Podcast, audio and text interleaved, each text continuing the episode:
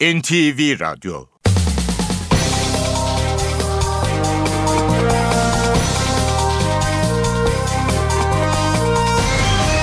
İşe Giderken Mutlu sabahlar ben Aynur Altunkaş. Bugün 29 Nisan Salı işe giderken de Türkiye ve dünya gündemine yakından bakacağız. 7.35'te Ayhan Aktaş spor haberlerini aktaracak. 8.35'te Emrah Kayalıoğlu işe giderken sporda bizimle olacak.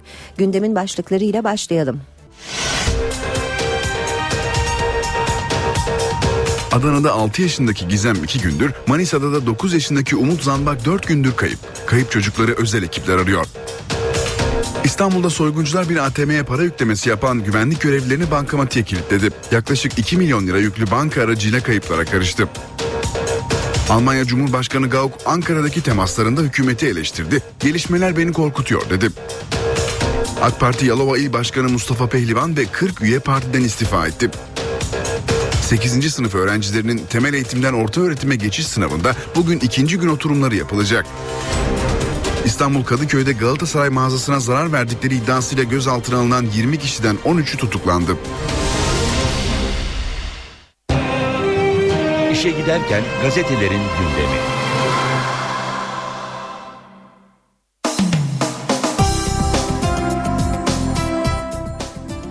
Basın özetlerine başlayalım. Hürriyet gazetesiyle Fenerbahçe'nin şampiyonluğu yine birinci sayfalarda e, yer bulmaya devam ediyor. Hürriyet böyle sevgi görmedim manşetiyle çıkmış. Dirk Kuyt şampiyon Fenerbahçe coşkusunu bu sözlerle anlatmış. Daha önce oynadığı Liverpool ve Feyenoord takımlarında şampiyonluk göremeyen Kuyt yaşanan coşkuya inanamadı. Hollanda basınına şampiyonluk kutlamalarını anlatan sarı lacivertli futbolcu Pierre van Hooijdonk bana taraftarın sevgisini anlatmıştı ama bu kadarı hayallerimin ötesinde dedi. Gazete ve televizyonlar Kayt'ın yaşadığı heyecanı ön plana çıkardı. Artık saha değil tribün kapatılacak. Türkiye Futbol Federasyonu artık çirkin tezahürat veya saha olayları nedeniyle saha kapatma cezası vermeyecek. Bunun yerine olayın meydana geldiği tribüne kapatma cezası uygulanacak. Devam edelim yine Hürriyet gazetesinden. Almanya Cumhurbaşkanı'nın dünkü temasları sırasında yaptığı açıklamalar güçlüyken bunlar niye başlığıyla yer almış Hürriyet'te. Dört soru Almanya Cumhurbaşkanı'ndan. Twitter yasaklanmak zorunda mı? Anayasa Mahkemesi Başkanı neden bu kadar eleştirel konuştu? Hükümet güçlüyken yargıya müdahalesi demokrasiyi güçlendirecek mi? Hükümet neden medyaya karşı güç gösteriyor? Bir Alman gazeteci Cumhurbaşkanı Abdullah Gül'e Gauck'un bu sorularını tavsiye mi, hakaret mi olarak algıladığını sordu. Gül şu yanıtı verdi. Hiçbir ülke kendisinin mükemmel olduğunu iddia etmemeli. Önemli olan noksanlıkların farkında olmak ve düzeltmek için azimli olmaktır. Devam ediyoruz yine hürriyetten bir başlıkla 100 ağaç için 100 ağaç yürüyüşü İstanbul Ataköy'ün 7. ve 8. kısımlarında imara açılan alandaki 100 ağacı korumak isteyen vatandaşlar yürüyüş düzenledi. Milliyete bakalım Jamal alarmı, Jamal alarmı diyor Milliyet manşette Somali'deki büyükelçiliğimize saldıran Eşşebab şimdi Ankara'yı hedef aldı. Örgütün eylem için Jamal Muhammed Diriye'ye görev verdiği ortaya çıktı. Emniyetin il genel müdürlüklerine gönderdiği yazı özellikle Kenya ve Somali'de terör eylemleri düzenleyen El-Kaide bağlantılı Eşşebab örgütünün Türkiye'yi hedef aldığını ortaya çıkardı. Yazıda Somali kökenli Kanada vatandaşı Jamal Muhammed Diriye'nin bu yıl Amerikan Büyükelçiliği veya başka bir yere yönelik saldırı için Ankara'ya gelebileceği vurgulandı. Devam ediyoruz ee, yine Milliyet gazetesinden bir başlıkla. Erdoğan olmazsa tek aday Gül. Canlı yayında soruları yanıtlayan Başbakan Yardımcısı Arınç, Başbakanın köşke aday olmasını ve ilk turda seçilmesini arzu ederiz dedi. Üç dönem kuralı değişirse Erdoğan'ın partiyi 2023'e götürebilecek bir zemini hazırlamayı tercih edebileceğini ifade eden Arınç, Başbakan aday olmazsa o zaman köşk için tek aday Abdullah Gül mü sorusuna da bugün için ben öyle görüyorum görüyorum yanıtını verdi. Milliyet gazetesinden bir başlık daha aktaralım. Emin misin Kiribati? Büyük Okyanus'un ortasında bulunan 98 bin nüfuslu ada ülkesi Kiribati Cumhuriyeti kadına yönelik şiddeti engelleme çalışmalarında Türkiye'ye örnek aldı. Anadolu Ajansı Kiribati'nin bu konudaki adımlar için Aile Bakanlığı'ndan yardım istediğini ve Bakan Ayşenur İslam'a başvuruda bulunduğunu duyurdu. Günde ortalama 3 kadının öldürüldüğü Türkiye'de 2014 yılının ilk 4 ayında 69 kadın cinayeti işlendi. 10 dakikalık duruşmadan 683 idam çıktı. Mısır'da 10 dakika süren duruşmada aralarında Müslüman kardeşlerin liderlerinden Muhammed Bedi'nin de bulunduğu 683 kişi İslamcılık gerekçesiyle idam cezasına çarptırıldı. 683 kişiden sadece 73'ünün tutuklu bulunduğu kaydedildi. Mart ayında aynı mahkemenin verdiği ve uluslararası toplumun tepkisini çeken 592 idam kararından 492'si ise dün ömür boyu hapse çevrildi. Bu gurur için 13 yıl bekledim. Fenerbahçe Teknik Direktörü Ersun Yanal 2001'in Aralık ayında Ankara gücünü çalıştırırken Sarı Lacivertli kulübün kapısından döndüğünü, o günden beri idealinin bu kulüpte şampiyonluk olduğunu söyledi. Şampiyonluk maçından sonraki eğlenceye katılmayan Yanal, planlanmış bir organizasyon değildi. Ben de günler öncesinden program yapmıştım. Hiç aramızda kırgınlık olur mu? Yağmacılar hırsız çıktı. Fenerbahçe'nin şampiyonluk kutlamalarında Bağdat Caddesi'ndeki Galatasaray Store'a yapılan saldırıyla ilgili adliyeye sevk edilen 20 kişiden 13'ü tutuklandı. Mağazadan hırsızlık yaptıkları da tespit edilen şüphelilerde 402 parça lisanslı ürün bulundu. Geçelim sabah gazetesine. Junta çıldırdı diyor sabah manşette. Mısır'da Junta'nın emrindeki mahkeme 683 ihvan üyesini daha idama çarptırdı. Yetmedi. Daha önce verilen 529 idamdan 37'sini onayladı.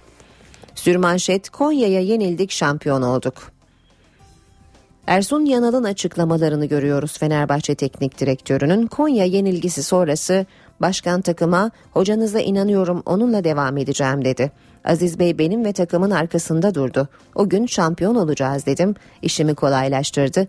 Kimse bana kötü teknik adam diyemez. Takım da zamanla beni iyi tanıdı. Devam etmeye hazırız. Devam edelim Radikal gazetesiyle köşk yolunda 4 açılım diyor Radikal manşetinde. Hükümet Cumhurbaşkanlığı seçimlerinden önce siyasi iklimi yumuşatma peşinde.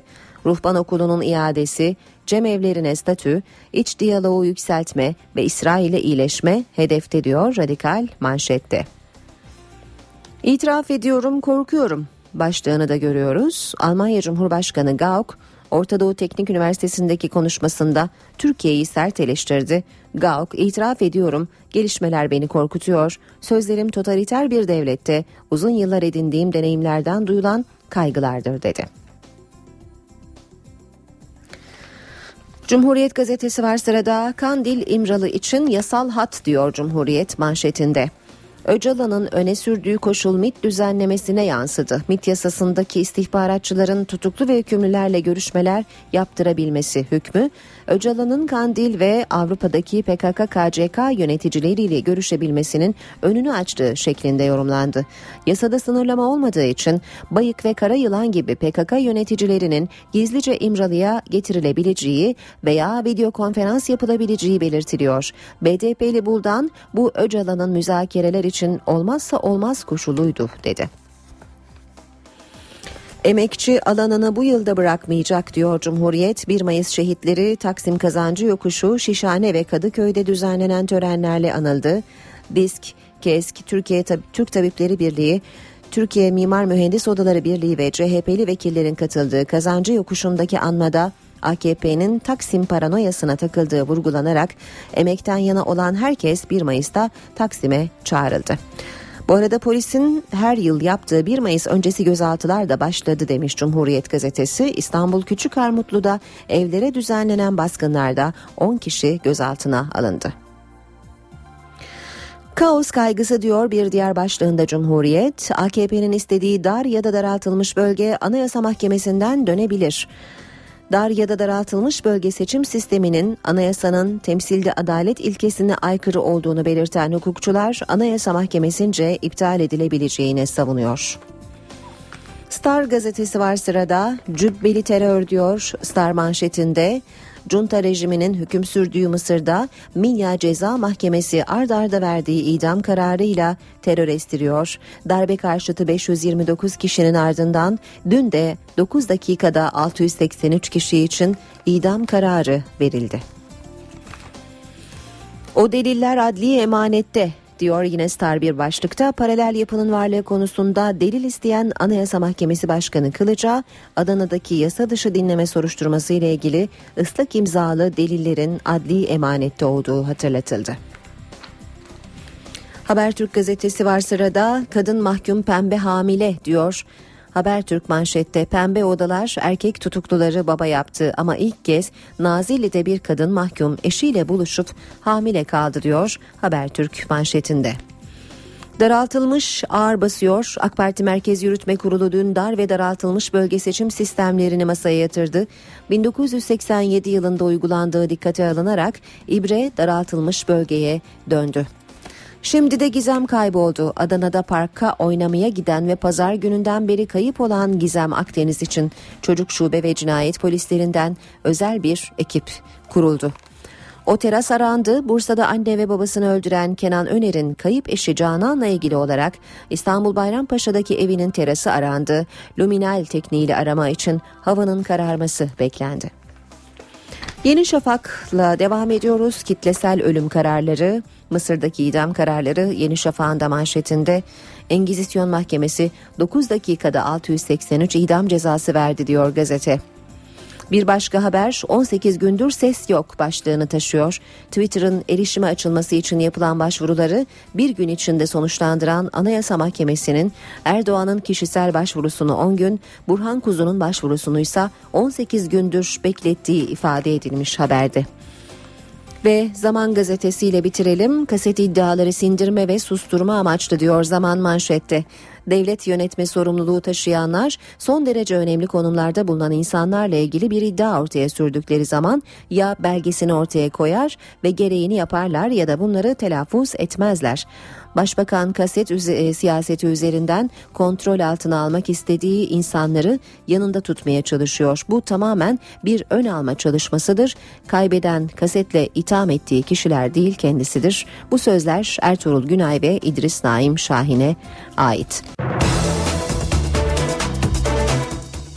Gündemin ayrıntılarına bakmaya başlayalım. İşe giderken de 7-18 saat İstanbul'da gece film gibi bir soygun yaşandı.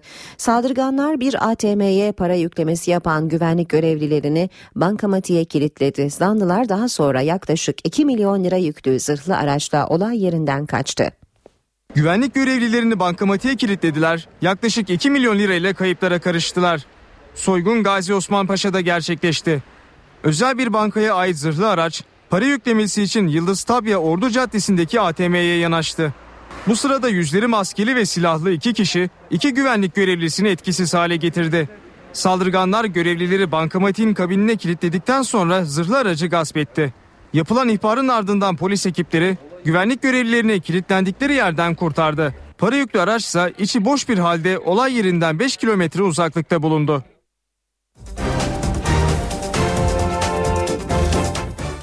İstanbul Fatih'te yabancı uyruklu 3 kişi banka şubesini soydu. Zanlılar 20 bin lirayla kaçtı. Görgü tanıklarına göre yabancı uyruklu 3 kişi motosikletle Laleli Ordu Caddesi üzerindeki banka şubesine geldi. İki kişi bankadaki güvenlik görevlisini silahla etkisiz hale getirdi.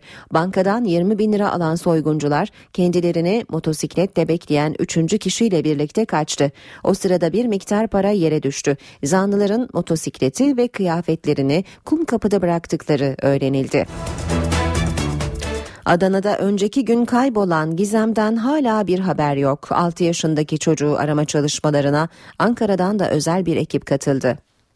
Tellidere mahallesinde oturan Hatice Akdeniz pazar günü öğle saatlerinde evden çıktı. Gizem'i en büyüğü 16 yaşındaki ablalarıyla evde bırakan anne pazara gitti. Yaklaşık 2 saat sonra dönen Hatice Akdeniz Gizem'in evde olmadığını fark etti. Eve geldim ablalarına sordum kardeşiniz nerede dedim. Dedi ki anne aşağıda arkadaşlarıyla oynamaya indi dedi. Daha 10 dakika bile olmadı dedi. Ben de dedim ki anneciğim ben geldim kardeşini görmedim sokakta dedim. Polise haber verildi. Bölgede arama çalışması başlatıldı.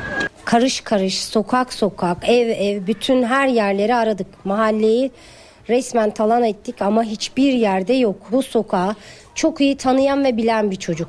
Benim çocuğum kaçırıldı yani bu saate kadar bulunmayan bir çocuktan kaçırıldı. Başka da bir şey yok. Küçük kızın çok sevdiği parka gitmek için evden çıkmış olabileceği sanılıyor. 24 saat geçmesine rağmen gizem bulunamayınca polis özel ekip oluşturdu. Küçük kızın evinin yakınlarında güvenlik kamerası yok. Ancak madenin yakınındaki güvenlik kamerası kayıtları taranıyor. Bölgeye küçük kızın fotoğrafının bulunduğu afişler de asıldı. Bir kayıp haberi de Manisa'dan geldi. Akisar ilçesinde yaşayan 9 yaşındaki Umut Zambak 4 gündür kayıp. En son okul çıkışında görülen çocuktan bir daha haber alınamadığı belirtiliyor. Atatürk İlkokulu 3. sınıf öğrencisi Umut Zambak Cuma günü saat 17'de okuldan çıktı. Okula 150 metre mesafedeki evine gitmeyen çocuğun ailesi polise haber verdi. 4 gündür kayıp olan Umut'a dair henüz bir iz bulunamadı. İstanbul Kadıköy'de Galatasaray mağazasına zarar verdikleri iddiasıyla gözaltına alınan 20 kişiden 13'ü tutuklandı. Zanlılardan 7'sinin çeşitli suçlardan sabıkalıların olduğu bulunduğu açıklandı. Akşam saatlerinde yine aynı mağaza önünde gerginlik vardı. Yaklaşık 50 Galatasaray taraftarı Bağdat Caddesi'nde saldırıya uğrayan mağaza önünde toplanarak Fenerbahçe aleyhine tezahürat yaptı. Gruba polis müdahale etti. 6 kişi gözaltına alındı.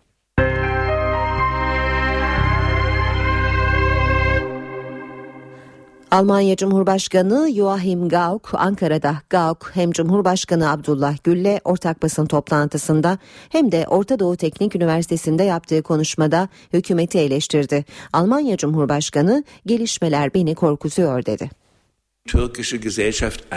Türk hükümeti Twitter'ı, YouTube'u yasaklamak zorunda mı?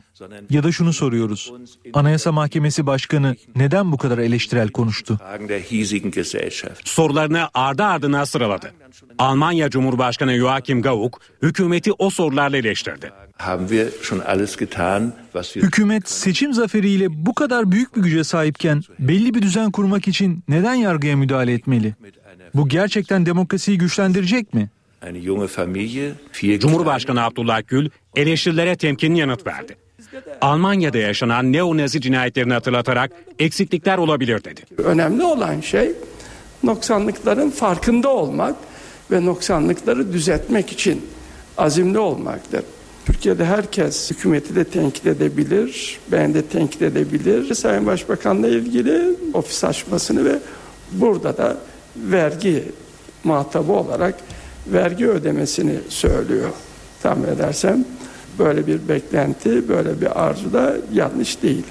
Alman Cumhurbaşkanı köşkteki basın toplantısından sonra Orta Doğu Teknik Üniversitesi'ne gitti. Eleştirilerinin dozu daha da arttı. Hükümetin savcı ve polisleri yerinden alarak gelişmeleri aydınlatmaya engel olduğunu savundu. Bir demokrat olarak kendi ülkem olmasa da ne zaman hukuk devletinin tehlike altında olduğunu görsem o zaman sesimi yükseltirim. İtiraf ediyorum. Bu gelişmeler beni korkutuyor. Özellikle de fikir ve basın özgürlüğü kısıtlandığı için. İnternet ve sosyal iletişim ağlarına erişimin kısıtlandığını, eleştirel bakış açısına sahip gazetecilerin işten çıkarıldığını, hatta yargılandığı zamanı yaşıyoruz. Alman Cumhurbaşkanı MIT yasasını güçlü gizli servis kontrolü amaçlanıyor sözleriyle eleştirdi. Alman Cumhurbaşkanı Başbakan Erdoğan'la da 1 saat 50 dakika süren bir görüşme yaptı.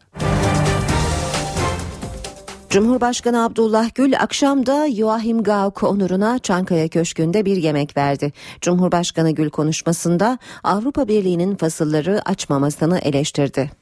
Cumhurbaşkanı Abdullah Gül, resmi temaslar için Türkiye'de bulunan Almanya Cumhurbaşkanı Joachim Gauck onuruna Çankaya Köşkü'nde yemek verdi. Akşam yemeğinde Cumhurbaşkanı Gül ve Almanya Cumhurbaşkanı Gauck birer konuşma yaptı. Özgürlükçü bir düzende geleceklerini aramak. Konuşmasında Türkiye'nin AB üyelik sürecine ilişkin değerlendirme yapan Gül, fasılların açılmamasını eleştirdi. Bir taraftan özellikle son dönemde ülkemizdeki bazı geçici olduğuna inandığım olumsuzlukları tenkit eden dostlarımız Türkiye ile yargı, temel haklar, özgürlükler fasıllarının açılmasına müsaade etmemelerinde büyük bir çelişki olarak görüyorum.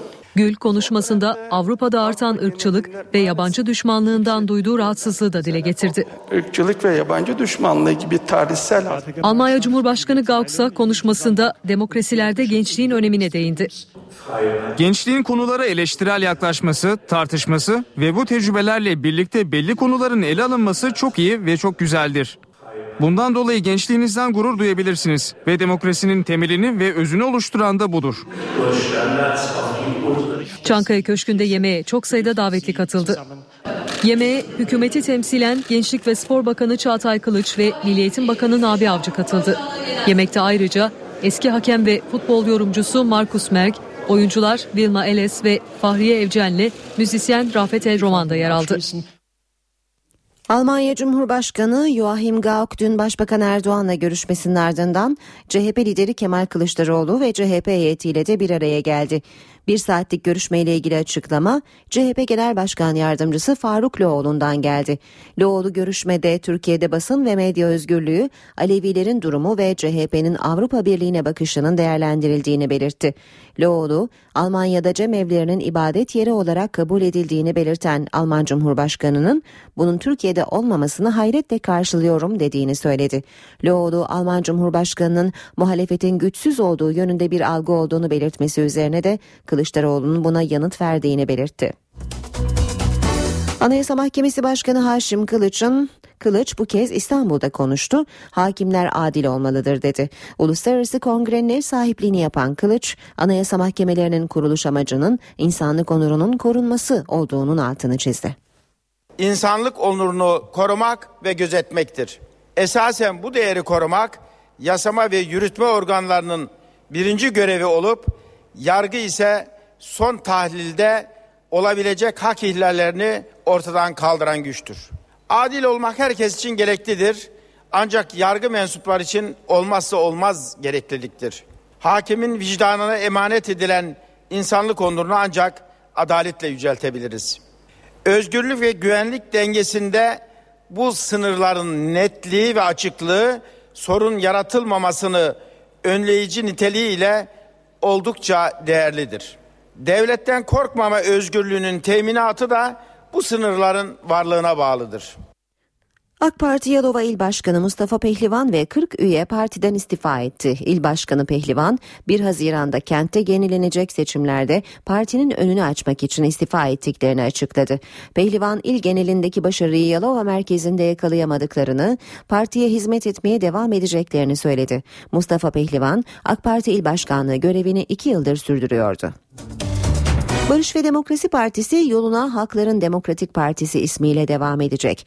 Dün Ankara'da yapılan törende BDP'nin milletvekilleri HDP'ye geçti. Ne değişecek sorusunu BDP Genel Başkanı Selahattin Demirtaş ve HDP eş başkanı Ertuğrul Kürkçü yanıtladı. BDP'li 21 milletvekili rozet taktı, törenle Halkların Demokratik Partisi'ne geçti. Törene BDP ve HDP'li 29 milletvekili ile BDP'li belediye başkanları katıldı siyasi yasaklı milletvekilleri Ahmet Türk, Leyla Zana ve Aysel Tuğluk da törende yer aldı. Neden HDP sorusunun yanıtı BDP ve HDP yöneticilerinden geldi. Tabana kitleye hitap eden evet İslamcısından, Alevisinden, Türkünden, Kürdünden, Ermenisinden, Ezidisinden, Süryanisine kadar.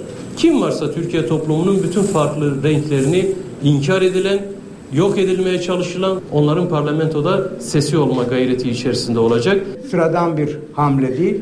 Bu stratejik bir hamle. Halklarımızla aramıza e, örülmek istenilen bütün engelleri e, bir anda ortadan kaldıracağız. Bu kararla BDP kurumsal kimliğini devam ettirecek.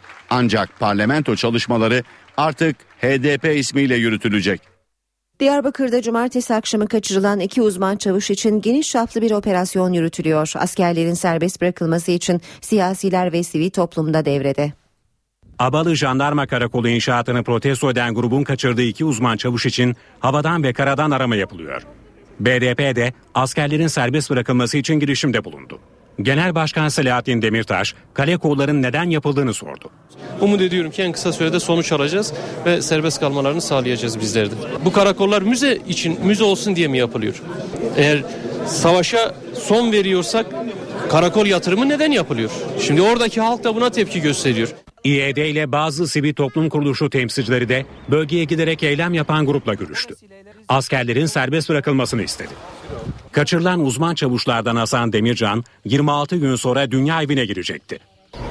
Eylem yapan silahlı grubun kapattığı Diyarbakır Bingöl karayoluysa güvenlik güçleri tarafından trafiğe açıldı. Ancak bazı noktalarda araçlar yine eylemciler tarafından durduruluyor.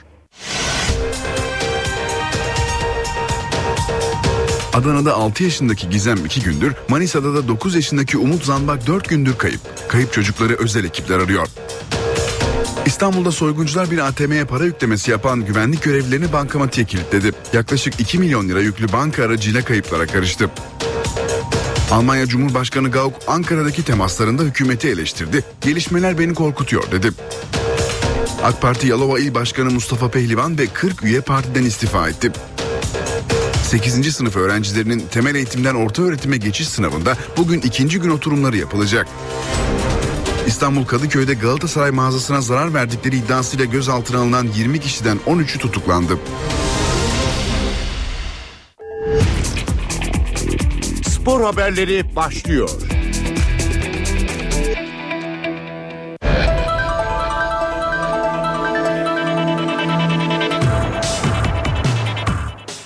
Günaydın ben Ayhan Aktaş. Spor gündeminden gelişmelerle sizlerle birlikteyiz. Fenerbahçe yönetimi teknik direktör Ersun Yanal'la nikah tazelemeye hazırlanıyor. Deneyimli teknik adama 2 yıllık yeni sözleşme önerilecek.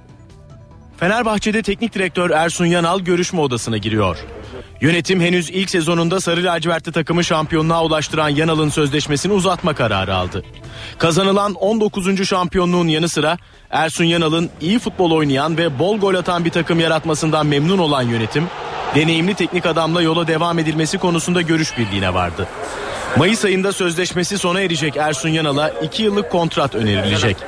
Deneyimli teknik adam da Fenerbahçe'de kalmaya sıcak bakarken resmi sözleşmenin kısa süre içinde imzalanması bekleniyor.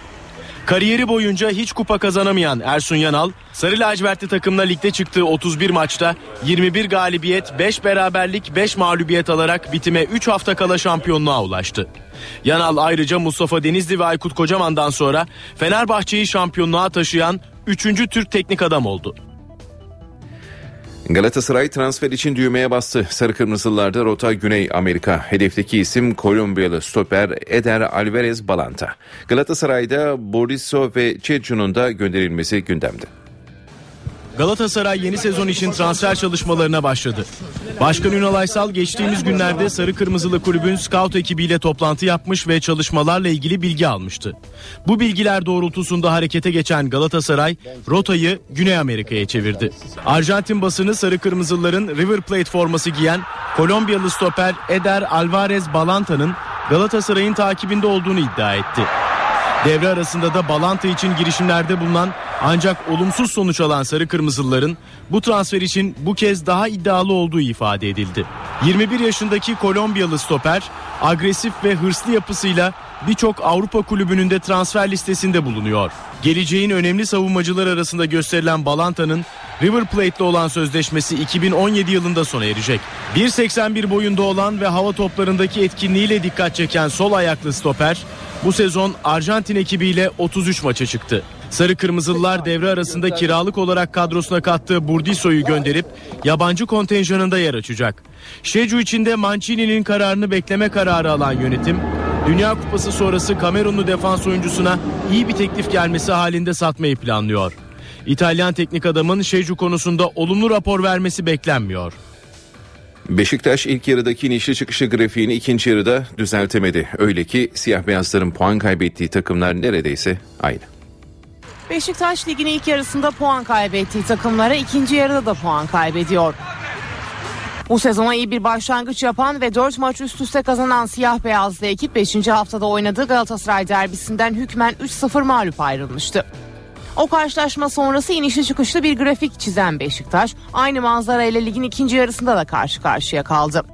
18. haftada Trabzonspor deplasmanından 1 puan çıkaran siyah beyazlar 22. haftadaki Galatasaray derbisine kadar puan kaybetmedi.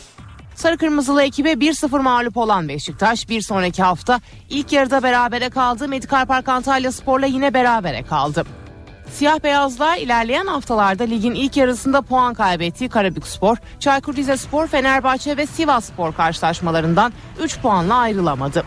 Beşiktaş ilk yarıda berabere kaldığı Karabükspor ve Sivasspor'a mağlup olurken Fenerbahçe ve Çaykur Rizespor maçlarından yine 1 puanla ayrıldı. Siyah beyazlar bu periyotta sadece ilk yarıda berabere kaldı. Akhisar Belediyespor'u ikinci yarı mağlup ederken 12. hafta İstanbul'da 3-1 mağlup ettiği Torku Konyaspor'la 29. haftada deplasmanda 1-1 berabere kaldı. Trabzonspor'da sular durulmuyor. Sabahattin Çakıroğlu yönetim kurulu üyeliğinden istifa ettiğini açıkladı. Başkan İbrahim Hacı Osmanoğlu ile fikir ayrılıkları yaşadıklarını belirten Çakıroğlu, Trabzonspor kulübüne gelmiş geçmiş en büyük zararı veren ekibiz dedi. Bir müddet önce kulübümüzü yönetme tarzı konusunda mevcut Trabzonspor Kulübü Başkanı ile derin fikir ayrılıklarımız oldu ve başkan yardımcılığı görevimi bıraktım. Benim mevcut başkan ile yönetimsel düşünce ayrılığım devam etmekte ve aramızdaki görüş ayrılığı giderek giderek daha da büyümektedir. Bu kritik dönemde Trabzonspor'umuzun başarısı için gerekli olan en önemli şeyin birlik ve beraberlik olduğuna inanan e, olan inancım ve bugün için de doğru olanı yapmak adına yönetim kurulu üyeliğimden de istifa ediyorum. Senelerden beri görüyoruz Trabzonspor ne bir paralı başkana ne bir e, başka güçleri olan birisine ihtiyacı yok. Trabzonspor'un sadece birlikteliğe, beraberliğe ihtiyacı var. Trabzonspor kulübüne gelmiş geçmiş en büyük zararı veren ekibiz. Öte yandan Trabzonspor Zokora'nın sözleşmesini feshetti. Bordo Mavililer fil sahilli futbolcuyla yolları ayırma konusunda anlaşma sağladı. Şampiyonlar Ligi'nde finale çıkan ilk takım Allianz Arena'da belli olacak. İlk başı 1-0 kaybeden Bayern Münih Real Madrid'i ağırlayacak. Bu maç saat 21.45'te başlayacak. Karşılaşma NTV ve NTV Spor Smart'tan naklen yayınlanacak. Ve basketbol, Beko Basketbol Ligi'nde 28. hafta maçları biri dışında tamamlandı. Sonuçlar şöyle. Beşiktaş İntegral Forex 79, Tofaş 85, Uşak Sportif 68, Fenerbahçe Ülker 87, Mersin Büyükşehir Belediyesi 75, Banvit 77, Anadolu Efes 82, Türk Telekom 77, Olin Edirne 87, Torku Konya Selçuk Üniversitesi 93, Trabzonspor Medikal Park 84, Pınar Karşıyaka 73 ve Aykontet Ankara Kolejciler 78, Galatasaray Live Hospital 83. 28. haftada Royal Halı Gaziantep Gaziantep'in Ali Petkim'le oynaması gereken maç Gaziantep ekibinin hafta sonunda Euro Challenge Cup Final Four'da mücadele etmesi nedeniyle ertelendi. Bu haberimizle bültenimizi, spor bültenimizi tamamlıyoruz. İyi günler diliyoruz. NTV Radyo Herkese yeniden günaydın. İşe giderken de yeni saati karşılıyoruz. Birazdan Gökhan Abur'a bugün hava nasıl olacak diye soracağız. Önce gündemin başlıkları. Adana'da 6 yaşındaki Gizem 2 gündür, Manisa'da da 9 yaşındaki Umut Zanbak 4 gündür kayıp. Kayıp çocukları özel ekipler arıyor. İstanbul'da soyguncular bir ATM'ye para yüklemesi yapan güvenlik görevlilerini bankamatiğe kilitledi. Yaklaşık 2 milyon lira yüklü banka aracıyla kayıplara karıştı. Almanya Cumhurbaşkanı Gauck Ankara'daki temaslarında hükümeti eleştirdi. Gelişmeler beni korkutuyor dedi. AK Parti Yalova İl Başkanı Mustafa Pehlivan ve 40 üye partiden istifa etti. 8. sınıf öğrencilerinin temel eğitimden orta öğretime geçiş sınavında bugün ikinci gün oturumları yapılacak. İstanbul Kadıköy'de Galatasaray mağazasına zarar verdikleri iddiasıyla gözaltına alınan 20 kişiden 13'ü tutuklandı. Gökhan Abur hoş geldiniz günaydın. Merhaba hoş bulduk. E, yurdun bazı kesimlerinde yağışlar devam ediyor. Bugün nerelerde olacak? Valla şu an itibariyle Marmara'nın doğusunda, Karadeniz'de, iç kesimlerde, yer yer Akdeniz'in iç kesimlerinde yağış devam ediyor. Alçak basınç etkisi altındayız. Alçak basıncın önemli özelliklerinden bir tanesi yükselici hareketler olması. Lodos bugün sert eserek bulutlanmayı daha da arttıracak. Özellikle Ege'de dün oldukça sertti. Bugün Marmara bölgesinde ve Batı Karadeniz'de de öyle saatlerden itibaren Lodos'un zaman zaman sert hatta kuvvetli esmesini bekliyoruz. Dolayısıyla artacak bulutlanma yer yer sağanakları oluşturacak ki bu sağanaklar özellikle Akdeniz bölgesinde dün maddi hasarlara da sebep olmuştu. Çünkü sağanak yağış sırasında sağanak yağış başlamadan evvel bu gelişen bulutların bıraktığı dolu yer yer maddi hasarlara sebep olabiliyor. Evet ılık bir dönem yaşıyoruz ama bu hafta boyu sürecek olan lodos etkisini hafta başında önümüzdeki hafta başında kuvvetli bir şekilde dönerek kuzeyli rüzgarlara bırakacak ve yağışlar etkisini daha da artırırken bu kez kuzey kesimlerde Marmara'da Trakya'dan başlayarak sıcaklıklar yeniden azalacak gibi gözüküyor. Son derece değişken hava koşullarını yaşadığımız tam tipik bahar havası diyebileceğimiz koşullar devam ediyor. Evet şu an itibariyle Ankara'da da sağanak yağmur başladı. Ankara'da şu an itibariyle sağanak yağışın başlamasıyla sıcaklık 8 ile 10 derece arasında değişiyor. Gün içinde Ankara'da sıcaklığın 19'a kadar çıkmasını bekliyoruz. İstanbul Anadolu yakasında hafif yağış geçişleri var. Sabah saatlerinde Boğaz'da da hafif yağış vardı. Gün içinde hafif olarak yağışlar devam edecek. Zaman zaman yağışlar kesilecek, akşam tekrar kuvvetlenecek. Yarın sabah yine yağış var. Yarın sabahki yağışlar biraz daha hafif gibi gözüküyor. Ama hafta boyu İstanbul'da da yağışlar devam edecek. Şu anda 14 derece olan sıcaklığın bugün yer yer 16-17 dereceye kadar çıkmasını bekliyoruz. Lodos gün boyu özellikle öğle saatlerinde sert esecek. İzmir'de ise şu anda bulutlanma arttı. Önümüzdeki saatler içinde İzmir'de de yağış bekliyoruz. Sıcaklık şu anda 13-14 derece arasında değişiyor. İzmir'de bugün beklediğimiz en yüksek sıcaklık ise 21 derece civarında olacak ama Çeşme, Kuşadası, Bodrum arasındaki bölgede gün içinde lodos kuvvetli esecek. Evet bizleri bugün bekleyen hava koşulları böyle sağanakların devam edeceği, lolusun zaman zaman kuvvetli eseceği bir güne başladık ve bugün Evet. böyle devam edecek. Gökhan Abur teşekkürler. Ben teşekkür ediyorum. NTV Radyo Gündemdeki gelişmelere bakmaya devam edelim. Almanya Cumhurbaşkanı Joachim Gauck Ankara'da. Gauck hem Cumhurbaşkanı Abdullah Gül'le ortak basın toplantısında hem de Orta Doğu Teknik Üniversitesi'nde yaptığı konuşmada hükümeti eleştirdi. Almanya Cumhurbaşkanı gelişmeler beni korkutuyor dedi. Türk hükümeti Twitter'ı, YouTube'u yasaklamak zorunda mı? Ya da şunu soruyoruz. Anayasa Mahkemesi Başkanı neden bu kadar eleştirel konuştu? Sorularını ardı ardına sıraladı. Almanya Cumhurbaşkanı Joachim Gauck hükümeti o sorularla eleştirdi. Hükümet seçim zaferiyle bu kadar büyük bir güce sahipken belli bir düzen kurmak için neden yargıya müdahale etmeli? Bu gerçekten demokrasiyi güçlendirecek mi? Cumhurbaşkanı Abdullah Gül eleştirilere temkinli yanıt verdi. Almanya'da yaşanan neonazi cinayetlerini hatırlatarak eksiklikler olabilir dedi. Önemli olan şey noksanlıkların farkında olmak ve noksanlıkları düzeltmek için azimli olmaktır. Türkiye'de herkes hükümeti de tenkit edebilir, ben de tenkit edebilir. Sayın Başbakan'la ilgili ofis açmasını ve burada da vergi muhatabı olarak vergi ödemesini söylüyor. Tahmin edersem böyle bir beklenti, böyle bir arzu da yanlış değil. Alman Cumhurbaşkanı köşkteki basın toplantısından sonra Orta Doğu Teknik Üniversitesi'ne gitti. Eleştirilerinin dozu daha da arttı. Hükümetin savcı ve polisleri yerinden alarak gelişmeleri aydınlatmaya engel olduğunu savundu. Bir demokrat olarak kendi ülkem olmasa da ne zaman hukuk devletinin tehlike altında olduğunu görsem o zaman sesimi yükseltirim. İtiraf ediyorum. Bu gelişmeler beni korkutuyor. Özellikle de fikir ve basın özgürlüğü kısıtlandığı için. İnternet ve sosyal iletişim ağlarına erişimin kısıtlandığını, eleştirel bakış açısına sahip gazetecilerin işten çıkarıldığını, hatta yargılandığı zamanı yaşıyoruz. Alman Cumhurbaşkanı MİT yasasını güçlü gizli servis kontrolü amaçlanıyor sözleriyle eleştirdi.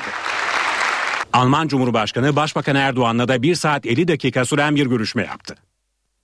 Anayasa Mahkemesi Başkanı Haşim Kılıç bu kez İstanbul'da konuştu. Hakimler adil olmalıdır dedi. Uluslararası Kongre'nin ev sahipliğini yapan Kılıç, anayasa mahkemelerinin kuruluş amacının insanlık onurunun korunması olduğunun altını çizdi. İnsanlık onurunu korumak ve gözetmektir. Esasen bu değeri korumak yasama ve yürütme organlarının birinci görevi olup yargı ise son tahlilde olabilecek hak ihlallerini ortadan kaldıran güçtür. Adil olmak herkes için gereklidir.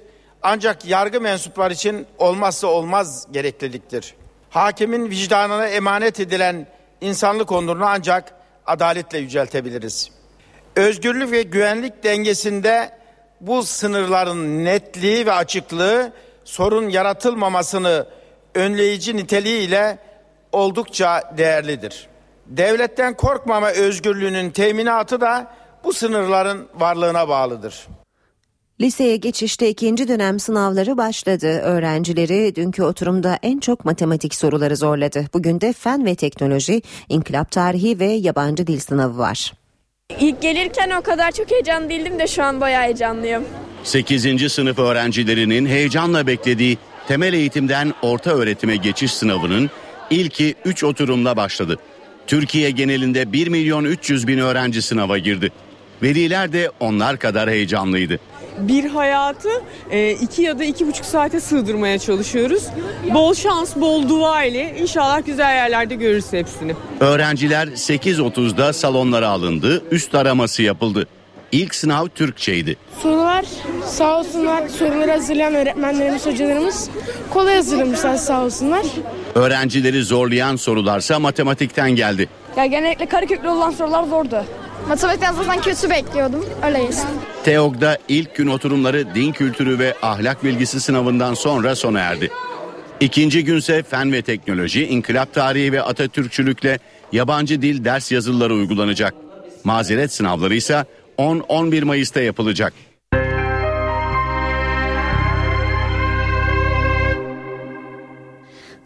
Mısır'da 683 Müslüman Kardeşler Örgütü üyesi veya destekçisi daha idama mahkum edildi. Bu kişiler arasında Müslüman Kardeşler Örgütü lideri Muhammed Bedi'i de var. İnsan hakları örgütleri yargılamalara tepkili. Mısır'da 683 kişi hakkında daha idam kararı çıktı. Mahkeme yine tartışmalı bir şekilde yargılama sürecini saatler içinde tamamladı. Tüm itirazlara rağmen savunma avukatlarına söz verilmedi ve 683 Müslüman kardeşler üyesi ve destekçisi idam cezasına çarptırıldı. Bu kişiler arasında Müslüman Kardeşler Teşkilatı Rehberlik Konseyi Başkanı Muhammed Bedi de var. Minya'daki ceza mahkemesi dosyayı nihai karar için müftüye gönderdi.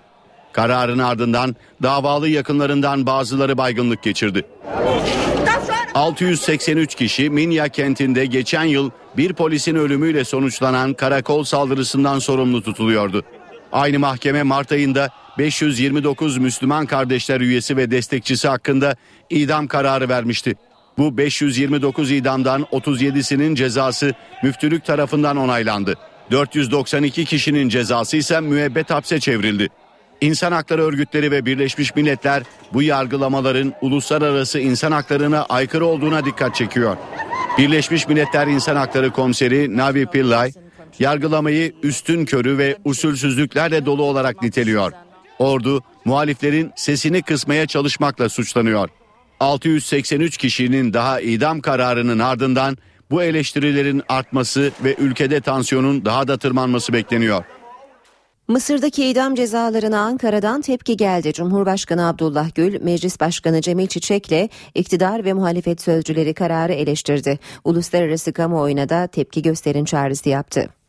Bu tip cezaları e, kabullenmek mümkün değil. Mısır'ın geleceğini aslında e, çok büyük bir kötülük olarak görüyorum bu tip büyük cezaları.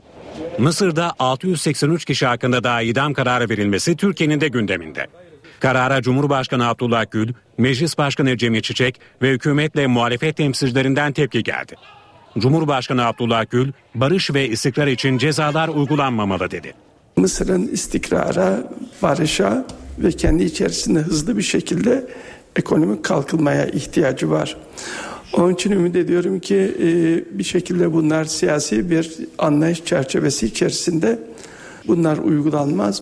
Meclis Başkanı Cemil Çiçek ise dünyaya tepki gösterin mesajı verdi. Mısır'daki gelişmeleri Türkiye baştan beri hem ilkesel olarak hem de endişeyle takip etmektedir. Temenni ederiz ki bunlar sadece karar safhasında kalır, e, daha ileri bir noktaya e, götürülmez. Ümit ederiz ki tüm dünya iş işten geçtikten sonra bir tepki koyan durumda olmaz. Başbakan Yardımcısı Bülent Arınç da benzer bir çağrıda bulundu. Arınç Türkiye gerekli tepkiyi verdi ama bu vahim yanlıştan dönülmesi için başta Amerika Birleşik Devletleri ve Avrupa Birliği'ne üye ülkeler olmak üzere Mısır'da söz sahibi olan bütün ülkeler bu idamlara karşı çıkmalıdır dedi. Dışişleri Bakanlığı da uluslararası toplumu gerekli tepkiyi vermeye çağırdı. Bakanlıktan yapılan yazılı açıklamada karar adil yargılama ilkesiyle bağdaşmamakta, temel hak ve özgürlükleri açıkça ihlal etmektedir denildi. Muhalefet de idam cezasının Mısır'a barış getirmeyeceği görüşünde. İdam cezalarının özellikle siyasi mülazalara dayanan idam cezalarının e, ülkeye o ülkeye barış getirmediğini, uzlaşma getirmediğini, e, derin yaralar açtığını hep söyledik. Bu yeni kararlar için de aynen geçerli. CHP Genel Başkan Yardımcısı Faruk Loğlu'nun açıklamaları da böyleydi. Mısır'da 683 kişi hakkında verilen idam kararı İstanbul'daki Mısır konsolosluğu önünde protesto edildi. Bebek sahilindeki konsolosluk önünde toplanan göstericiler darbe karşıtı sloganlar attı. Duvara tırmanarak bayrak asmak isteyen bir kişi dengesini kaybederek konsolosluk bahçesine düştü. Polisle eylemciler arasında zaman zaman arbede yaşandı.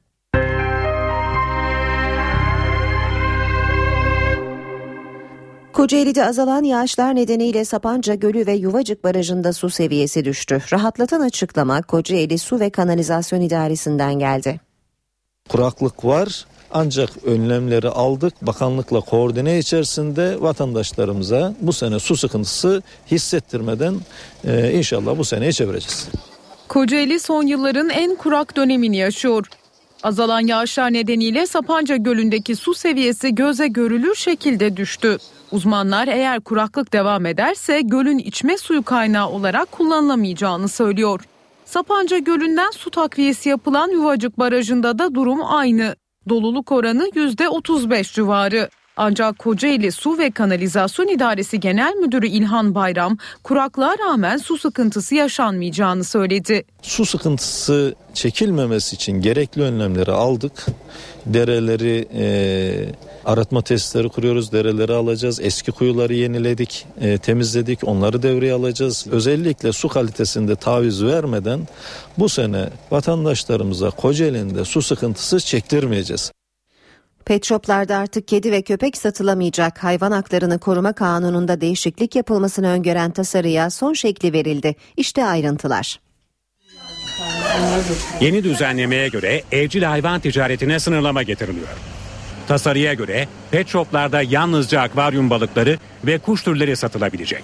Kedi ve köpeklerin satışı ise sadece üretim çiftliklerinde mümkün olacak. Ticari hale getirilmesini hayvanların ve hayvanlar üzerinden para kazanılmasını çok doğru bulmuyorum. Mümkün oldukça dışarıdaki hayvanlara yardım edip onları iyileştirmeye çalışıyoruz. Çünkü onlar da bizim gibi yaşayan varlıklar ve onların da bakıma ihtiyacı var. Pet shop çalışanları tasarıdan tedirgin. Kedi köpek sektörü yasaklandıktan sonra balığa da çok az talep olduğundan dolayı artık balıkla da bu sektör dönmeyecek zaten. Hukukçular kararı destekliyor. Çok hareket edip avlamasınlar diye bazen uyuşturucu iğnelerle uyutuldukları doğal koşulları olarak e, imkanlı yerler olmadığı için hep karşıydık. Üretim çiftliklerinde satılıyor olmasını da alkışlamıyoruz. Çok sıkı denetime tabi tutulmaları lazım. İstanbul Barosu Hayvan Hakları Komisyonu Başkan Yardımcısı Deniz Tavşancı'la göre tasarı önemli değişiklikler getiriyor ama yeterli değil bütün hayvanlar için hiçbir şekilde deneyin düzenlenmemesi gerekiyor. Hayvanların e, istisnai olarak öldürülmesinin sayıldığı haller var. Mesela böyle bir istisnai öldürme hali asla sayılamaz. Tasarıya göre Yunus parkları başta olmak üzere hayvanlar kullanılarak yapılan kara ve su sirkleri de bir yıl içinde kapatılacak. Sahipsiz hayvanların barınaklara götürülmesi zorunlu olacak.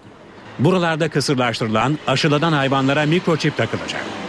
Tehlike arz edebilecek köpekleri ağızlıksız ve tasmasız dolaştıranlara 500 lira ceza verilecek. Saat 8.23 sırada başkent gündemi var. Karşımızda da Özgür Akbaş. Özgür günaydın. Günaydın Aynur. Almanya Cumhurbaşkanı'nın sözleri e, yankı bulmaya devam ediyor bu sabah itibarıyla. Bugün bir de Milli Güvenlik Kurulu toplantısı olacak. Başkent gündemine dair neler söyleyeceksin? Aynur bugün günlerden salı. Bu yüzden e, tüm dikkatler Türkiye Büyük Millet Meclisi'nde olacak. Siyasetin nabzı Türkiye Büyük Millet Meclisi'nde atacak. Siyasi partilerin grup toplantıları var. Liderler yine kürsüye çıkacaklar ve meclisteki grup toplantılarında mesajlarını verecekler. Dün Barış ve Demokrasi Partisi milletvekilleri Halkların Demokratik Partisi'ne geçtiler. Böylece HDP 27 milletvekiliyle meclise grup kurmuş oldu. BDP grubu lağvedildi onu da söyleyelim. HDP'nin grup kurmasının ardından meclisteki ilk grup toplantısı bugün olacak. E, BDP, HDP eş başkanlarından Ertuğrul Kürkçü kürsüye çıkarak e, ilk mesajlarını bugün meclis kürsüsünden verecek. Liderlerin peki gündeminde neler olabilir? Hemen o başlıkları aktaralım. Anayasa Mahkemesi Başkanı Haşim Kılıç'la son dönemde iktidar arasındaki gerilim bugün liderlerin gündeminde olması beklenen konuların başında geliyor seçim sistemi tartışmaları ve hiç şüphesiz Cumhurbaşkanlığı seçimine yönelik e, görüşler de bugün meclis kürsüsünden liderler tarafından e, aktarılacak. Tabii tüm dikkatler Başbakan Recep Tayyip Erdoğan'da. Erdoğan dün partisinin en önemli karar organlarından Merkez Yürütme Kurulu'nu topladı. Yaklaşık 5 saat sürdü orada toplantı ve seçim sistemine yönelik değişiklikle ilgili kapsamlı bir toplantı olduğunu söyleyebiliriz. Bu konuda hem hukukçu milletvekilleri hem akademisyenler bir çalışma yürütüyorlar. İşte dar bölge seçim sistemine yönelik bir e, hazırlığın bir taslağın e, dün Merkez Yürütme Kurulu'nun önüne konduğunu söyleyelim. Ama bu konuyla ilgili son karar Adalet ve Kalkınma Partisi'nin 9-10-11 Mayıs tarihinde gerçekleştirdiği kampta verileceğini de bir kez daha e, tekrarlayalım.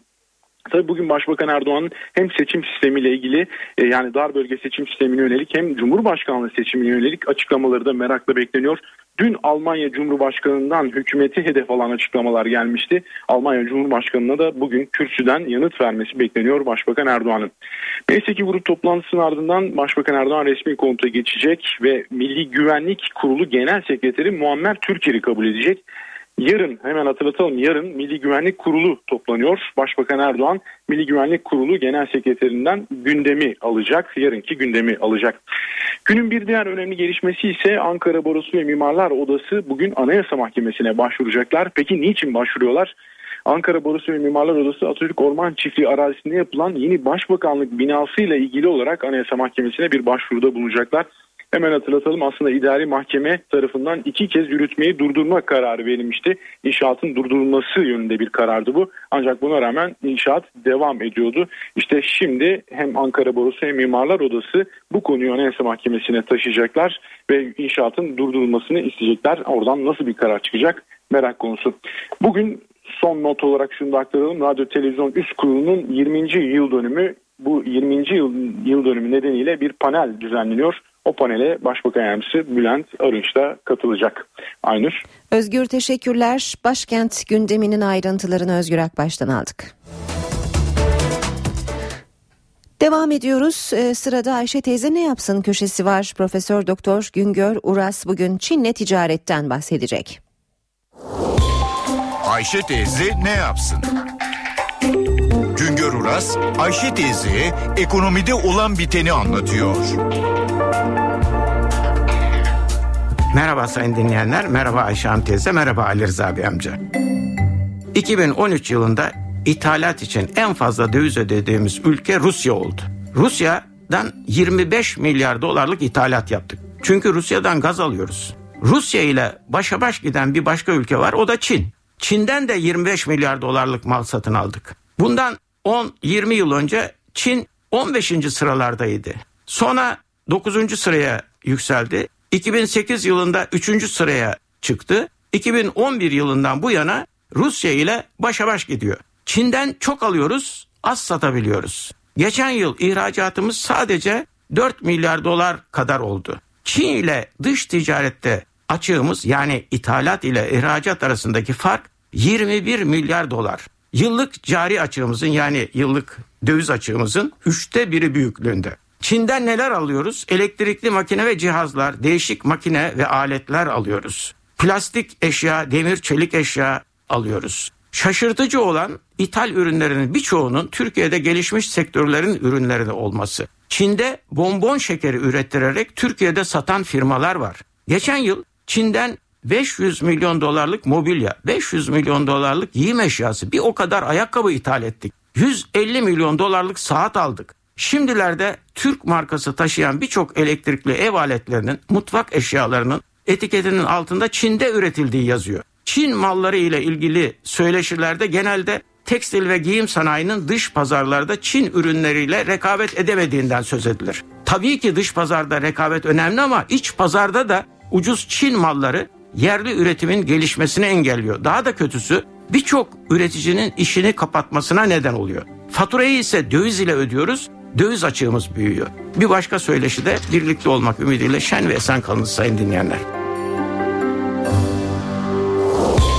Güngör Uras'a sormak istediklerinizi ntvradio.ntv.com.tr adresine yazabilirsiniz.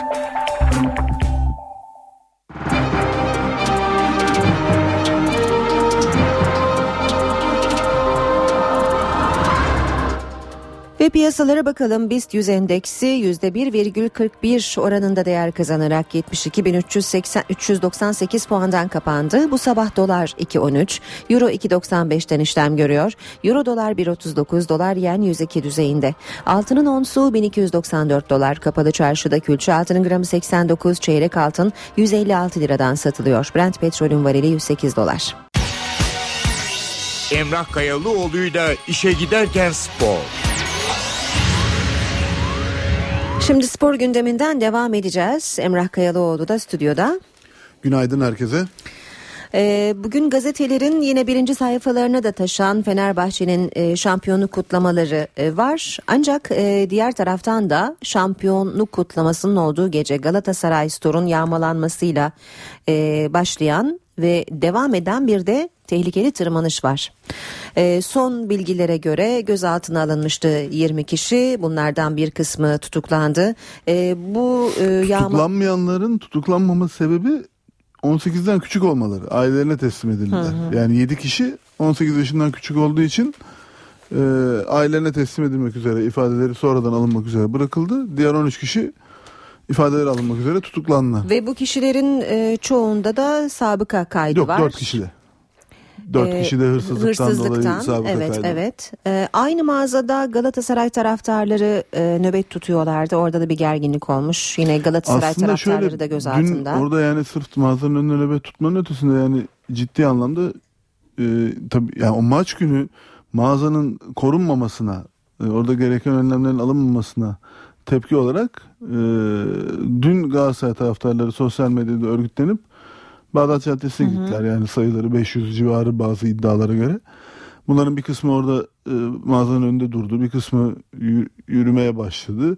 Tabii öyle olunca bu defa Fenerbahçeliler e, Feneryum'a mı saldırı olacak diye bu evet. defa onlar örgütlendiler. Tabii çok tehlikeli bir tırmanmaya doğru hı hı. gidiyordu iş. Polis müdahale etti ki bu yani e, ya hakikaten artık müdahale edilmesi gerektiğini düşünüyorum ben de. Yani Nereye müdahalenin boyutunu bilmiyorum ama yani gerginlik? onu bilmiyorum açık söyleyeyim. Yani e, çok şiddet kullanıldı kullanılmadı tarafını bilmiyorum ama bu iş çok tehlikeli bir boyuta gidiyordu. E, yani keşke kulüpler o noktada bence çok daha önce sağduyulu davranabilselerdi. Yani e, şimdi iki tarafın yaptığı açıklamalar var ki gün boyu. Evet. E, yani Galatasaray'dan iki Fenerbahçe'den bir açıklama geldi. E, Galatasaray ilk açıklamasında işte e, yani olayı vandallık olarak niteleyip e, Fenerbahçe Kulübü'nün de buna karşı bir tepki koyması gerektiğini söyledi. Fenerbahçe Kulübü bunun karşılığında e, aceleci davranmamak gerekiyor. Olay adli bir vaka. Fenerbahçe taraftarı e, bir yani bütün bir camiayı suçlamamak lazım böyle bir olaydan dolayı diye bir açıklama yaptı. Galatasaray da onun üzerine en son açıklamasında e, işte artık bu iş bizim için onur meselesidir. Galatasaray için e, en önemli problem budur. Bundan sonraki süreçte bu işin sorumluları e, gerçekten hesap verene kadar gibi bir açıklamayla. E tabi bu tırmanma da taraftara yansıdı. Yani önce işte Galatasaraylar gittiler madem emniyet koruyamadı biz gidip biz koruyoruz koruyalım. gibi bir yaklaşımla. İşte yani herkes kendi adaletini kendi temin etmeye kalkarsa e, yani iş anarşiye gider. O anlamda e, Emniyet Müdürlüğü bana sorarsanız geç kalmış bir e, müdahalede bulundu olaya. E, bu arada şunu da söyleyeyim. Yani Fenerbahçe tarafı işte olayın Fenerbahçe taraftarıyla e, alakası yok açıklaması yaptı. E, İstanbul Emniyet Müdürlüğü'nün olayla ilgili açıklama metnine baktığınızda e, şöyle yazmış onlar. Fenerbahçe Spor Kulübü'nün şampiyonluk kutlamaları esnasında bazı taraftarların Galatasaray Spor mağazasına yönelik saldırı ve hırsızlık olayıyla ilgili olarak yürütülen soruşturma diye yazmış. Yani e, Fenerbahçe Kulübü orada emniyetten aldığımız bilgiler ışığında işte Galatasaray'ın bu olayı bütün Fenerbahçe taraftarına mal etmesi yanlıştır falan dedi ama emniyetin açıklaması da taraftarlar diye geçiyor hı hı. zaten. Onun bir altını çizmekte fayda var. E, ikincisi evet olayın içinde bir hırsızlık olduğu kesin işte 400 küsur ürün Kartal'da yakalandı çeşitli adreslerde. E, işin bu boyutu olduğu kesin ama şunun da altını çizelim. E, hiçbir hırsız çaldığı malı hırsızlık mekanının kapısında yakmaz. Yani olayın bir Yakmak hırsızlık için çalmaz. Ha, yakmak için çalmaz. Yani olayın bir hırsızlık boyutu vardır. Evet. e, işin o tarafı mutlaka zaten soruşturuluyordur ama e, yani iş hırsızlıkla mı başlayıp böyle bir vandal bir gösteriye dönüştü yoksa böyle bir ortamdan hırsızlar faydalanıp orada zaten öyle bir olay vardı da içeri girip bazı malları yağmalayıp e, hırsızlık tarafını gerçekleştirdi. Kendilerince Orası durumdan vazife çıkarmış orası belli olabilirler. değil. Ama şunu söyleyeyim yani ikisi de var bana sorarsanız olayın içinde. E, ne e, tamamen bir türbün olayı yani tribün olayı derken e, belli bir grubun yani Fenerbahçe taraftarının Galatasaray Spor'a zarar vermek için yaptığı Evet. bir oper, eylem bu. Evet. Değil. Tek başına öyle değil. Ama tek başına bir hırsızlık olayı da değil. Ya benim kendi görüşüm böyle. İkisi birden var burada ve bunu yani e, bu noktada şöyle dikkat etmek lazım. E, yani Galatasaray Kulübü bunu ki Galatasaray'ın açıklamasında doğrudan doğruya tamamen Fenerbahçe taraftarına mal edilmiş bir şey yok ama eylemi yapanların sonuçta Fenerbahçe'nin şampiyonluk kutlamaları sırasında olmasından hareketle o noktada Fenerbahçe kulübünden bir tepki beklediklerini söylemişlerdi. Ee, daha önce e, hangi geçen sezon ki e, Fenerbahçe Galatasaray maçından sonra bir muz olayı vardı tribünden gösterilen Evet. maç öncesinde. Evet. Orada da Fenerbahçe Kulübü biraz aceleci bir açıklama, basın toplantısı düzenletmişti kendi tesislerinde bu söz konusu taraftarlara. Ee, yönetimden de bazı isimler orada yer alarak destek vermişlerdi. Ee, oradaki görüş olayın Galatasaray futbolcular sahada yokken olduğu yönündeydi ki sonradan tam tersi görüntüler ortaya çıktı hatırlarsınız.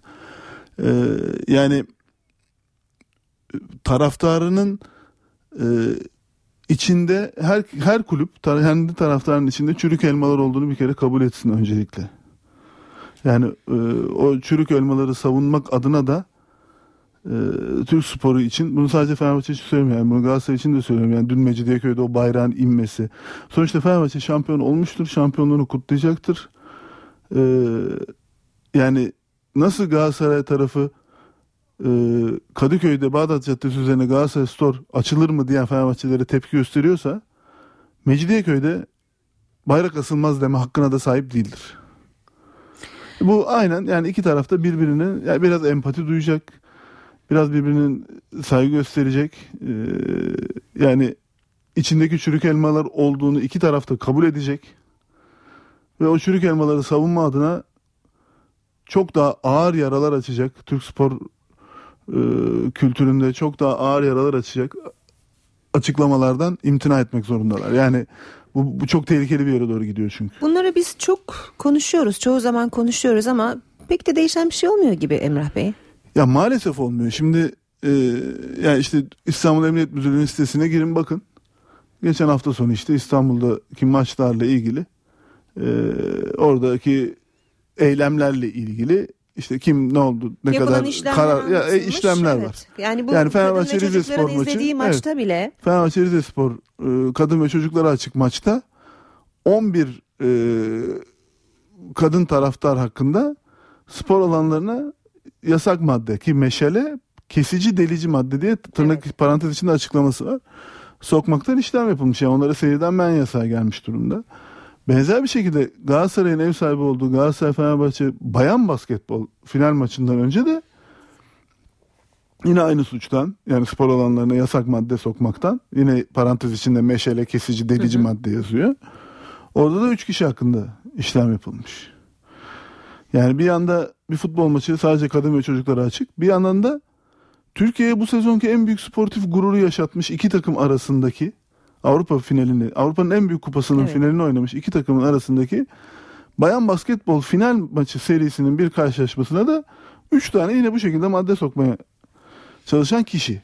Yani e, ondan sonra da işte böyle açıklamalar vesaire vesaire Yani vesaire. Yani tablo her zaman karamsar ne yazık ki. yani çok karamsar olmak e, yani istemiyoruz belki ama yani mesela bu konuda yani bu sporda işte bu deplasman yasağı konusuyla ilgili olarak ya en başta açık söyleyeyim hiç doğru bulmadım ben bu karar. Hı hı. Yani taraftarın bu hakkın elinden alınmaması gerektiğini savundum ama yani ondan sonra işte bazı şeyler oldu. Bir deplasman maçlarında yani o sonuçta sizin benim vergilerimle alınan o belediye otobüslerinin ne hale getirildiğini, Evet. insanların ne şartlarda e, yani daha doğrusu kendi kendilerine bozdukları Hı hı, ortamlarda o maçlara gidip gelmeye çalışıyorlar. O camların indiği otobüsler. Evet. Millet camlardan sarkmış. O cam patlarken yanındaki arabanın üstüne devrilmesi. Ya öyle şeyler gördük ki ya bir dakika dedim ya yani tamam yasağa karşıyız da bu insanlar için mi özgürlük mücadelesi yapacağız ki dedim yani. Evet. Kusura bakmasınlar dedim. Ya onlar kendi yapsınlar o zaman özgürlük mücadelesi. Ben yani bu insanların böyle bir şeye hakkı olduğunu oturup savunacak değilim dedim yani ve çektim kendimi o konuda. Yani benim için deplasman yasağı tartışması Bitti mi? yani o insanlar adam gibi maça gitmeyi öğrenene kadar bitmiştir yani benim için. Yani işte burada da durum böyle. Yani e, tamam belki sayıları çok az bu çürük elmaların ama buradaki sıkıntı şu. E, çürük elmalar fazlasıyla sahipleniliyor. O çürük elmalar sahiplenilmeye devam ettiği müddetçe kusura bakmasınlar yani. Siz kulüplerden yapılacak açıklamaların biraz daha gerçekçi ve sağduyulu olmasını Aynen istiyorsunuz. öyle. Aynen öyle. Evet. Aynen öyle. Ya burada kulüp ayırmarak, ayırarak da söylemiyorum bunu yani. Hı hı. Evet. Hepsi için geçerli bu. Bugün e, Futbol Federasyonu'nca e, yeni sezonda uygulanacak bazı kararlardan e, bir tanesi bundan sonra saha değil tribün kapatılacak e, şeklinde olan madde. Şimdi hazır sporda şiddet konuşurken e, bu madde için ve yeni dönem için e, neler öngördünüz? E, Nasıl değerlendiriyorsunuz yeni kararları? Yani bunlar bir süredir konuşulan kararlar. İşte sadece o türbünlerin e, kapatılacağı. E, işte belki de e-bilet uygulamasıyla bunun mümkün e, olabileceğinden bahsediliyor. Yani geçen hafta Cuma günü Futbol Federasyonu'nda bir toplantı vardı. E, orada da Futbol Federasyonu yetkilileri e, suçun şahsiliği ilkesinin e-biletle e-bilet sistemiyle e, daha kolay uygulanabilir olacağından bahsettiler. E, yani Futbol Federasyonu binasındaki şeyi de gezdirdiler. E, kamera odalarını. E, yani bir stat'tan hakikaten ne kadar e, net bir görüntü alabildiklerini orada tanık olduk. Hatta e, bir örnek de anlattılar. Şimdi maçı söylemeyeyim boşuna da e, bir taraftar meşale yakıyor. E, o meşaleyi yaktıktan sonra işte sönene kadar tutuyor elinde. Ondan sonra eğiliyor. Diğer taraftarların arkasına saklıyor kendini. Orada üstünü değiştiriyor. Üstündeki kıyafet yani ana rengi. Evet. E, sürüne sürüne de ilerleyip başka bir taraftan çıkıp maçı seyretmeye devam ediyor. Bu kişiyi Yani- tespit etmek Ya zor. o, o bütün o ayrıntılarına kadar çekebiliyorlar. Yani Güzel. yani o öyle ya, Kandırdığını zanneden yani gerçekten çok aslında. net bir yani şu teknoloji önemli bir şey. O anda çekim yaparken görüntüyü zoomlayabiliyorsunuz. Ama şu anda uygulanan teknoloji kaydedilmiş görüntüyü netliği bozmadan zoomlayabiliyor. Ee, yeni uygulanacak olan kaydederken de zoomlayabilecek ve detayları Kaydettikten sonra da yani olay çıktı incelemede kayıtla o bu bölgede çıkmış bir şey olmuş deyip kaydın üzerinden zoomlayıp orayı Evet. da tekrar geriye dönerek yani öyle bir teknolojiyle kayıt yapılıyor. Ee, Yani tamam e-biletin eleştirdiğimiz birçok yanı var da işte yani o taraflarını da gördük. Yani gidip yerinde gördük hatta. Ee, yani bu tabi tribün kapatma vesairenin gelişiyle birlikte bu kadın çocuk e, maçları da kalkacak. O garabetten de kurtuluyoruz değil mi? kurtulacağız gibi gözüküyor. Ee, yani çünkü hakikaten e, yani tuhaf bir şey oluyor ortamında. Bir de bir insanları yani e, ceza unsuruymuş gibi lanse ediyorsunuz o kişileri. Yani takım cezalı o yüzden bu takım cezalı bu takım maçlarını bunlar seyredecek. Diğer taraftan da lütufmuş gibi de gösteriliyor Ha, bir bir- taraftan. Hayır yani ama yani sanki bir ceza unsuruymuş gibi lanse edilmesi çok tuhaf. Yani o anlamda pek amacına ulaşmadı bence o iş.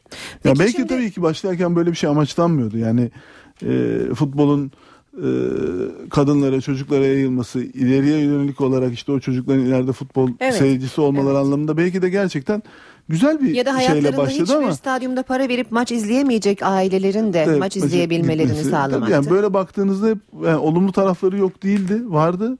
Ama uygulamada tuhaf bir tablo çıktı ortaya. Yani e, ama belki uzun solukta yarar mıydı, işe yaramaz mıydı? Dediğim gibi burada yani kadın çocuk maçında bile e, 11 kişi 11 hakkında kişi işlem hakkında yapılıyorsa. işlem yapılıyorsa Düşündürücü meşale kesici delici madde sokmaktan o zaman hakikaten burada bir amaca ulaşamama durumu var galiba. Şimdi bu yeni sezonda tam anlayamadım. Ee, olay çıkan tribünün tamamı mı kapanacak? Ya şimdi orada yani türbünün tamamı da kapanabilir.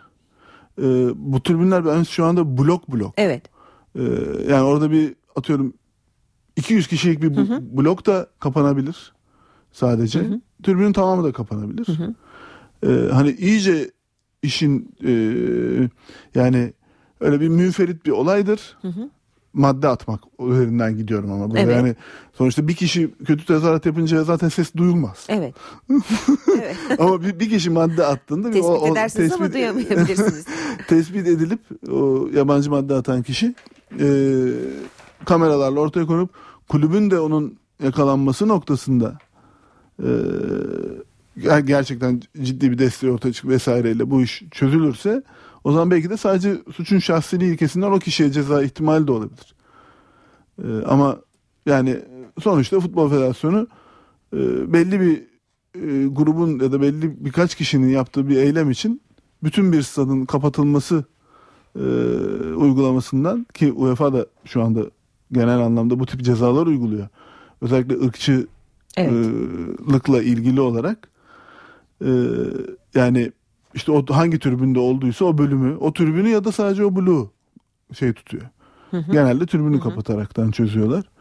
E, ya da hatta Sonuç veriyor mu bu meşale falan yakıldığında da stadın kapatılmasından çok o bölümün kapatılması gibi cezalar da veriyorlar. Ee, orada uygulama sonuç veriyor mu? Ya zaten açık söyleyeyim yani e, o o zihniyetteki tribün kültürü e, genel anlamda e, ilk fırsatta tekrar meşale yakarak hatta inadına daha fazlasını yakarak e, devam ediyor. Yani e, ben son dönemde bunu mesela Polonya e, Lejia Varşova maçlarında falan gördük. E, yani onlar da ciddi bir UEFA ile adeta yarışa dökmüşlerdi iş. Bazı yani böyle gerçekten neredeyse tribünün tamamının meşale dumanıyla görünme yani belki de tribünün tamamına yayılmış bir meşale şeyi yaktılar bir kere. UEFA işte bize ceza verdiniz ama alın. Görün Cezalar bakalım. bizi yıldıramaz. Ha, bizi aynen o kafayla devam ettiler yani. Bir de bu kötü tezahüratla ilgili süre limitiyle ilgili bir yeni bir hazırlık var. Daha önce bunun bir 120 saniye uygulanıyordu. Devre arasındaki değişen uygulamayla süre sınırlaması kalktı. Ee, şimdi yani 7 saniye gibi bir tanımdan bahsediliyor. Yani açık söyleyeyim yani bilmiyorum ya 7 saniye de çok acayip bir rakam. Ya yani bu sebeplerle e, verilen e, para cezalarının fahiş oranda arttığını konuşmadık mı zaten geçen günlerde? Yok para cezalarının artmasından ziyade e, uygulamada bu süre sıkıntısı kalkınca para cezalarının miktarı sene başıyla aynı. Ama süre sıkıntısı kalkınca o katlanarak giden bir Hı hı. cezalandırma sistemidir. E, dolayısıyla o limit bir anda her maç aşmış oluyordunuz süre şeyini ve her maç ceza alıyordunuz ceza. yani. Ondan sonra katlana katlana yani sene başında uygulanan para cezası miktarıyla şu anda uygulanan miktar aynı ama süre kısıtlaması kalkınca siz her maç ceza almaya başladınız Evet evet takımda. onu söylemeye çalışıyorum. Ee, yani dolayısıyla acayip Yine rakamlara gelmişti Kulüpleri iş. zor külfet Yani- bekliyor olabilir. Yani mesela ben burada raporlarla ilgili şöyle de bir eleştiri yapayım. Ee, süremiz kaldı mı bilmiyorum ama. Son saniyeler. Son peki şöyle çok kısa. Ee, bir uzun bir tezahüratın içinde bir kelime küfür ya olması durumunda tezahüratın tamamı küfürlü tezahürat sayılıyor. Hı hı. Ya da sadece küfür ederek tezahürat yaptığınızda da o tezahüratın süresine bakılıyor. Yani böyle bir tuhaf bir uygulaması da var Futbol Federasyonu'nun. Daha önce raporlarda gördük. Yani içinde bir kelime hakaret geçen 120 saniyelik bir tezahürat 120 saniye küfür edilmiş sayılıyor. Hı hı. Uygulamada öyle acayiplikler de var. Bilinç yani onlar da, tart- onlar da tartışılıyor zaten yani. Ee, ama sonuçta olmasın diyorsak bir şekilde bunun bir yerinden başlamamız lazım. Ama Türk toplumunda maalesef e, temizliğe futbol sahalarından başlamak gibi de bir alışkanlığımız var. Yani sokakta bile farklı değiliz ki. Futbol sahasında tribünde farklı olmamızı bekliyoruz. Orası da işin ayrı bir boyutu yani. Evet haklısınız. Bu sözlerinizle isterseniz bitirelim bu bölümü.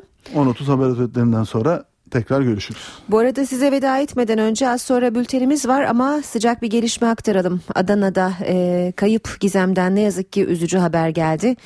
E, Pazar günü kaybolan 6 yaşındaki Gizem Akdeniz'in cansız bedeninin bulunduğu bir kişinin de gözaltına alındığı bilgisi var. Bu haberle işe giderken sona erdi. Hoşçakalın. NTV Radyo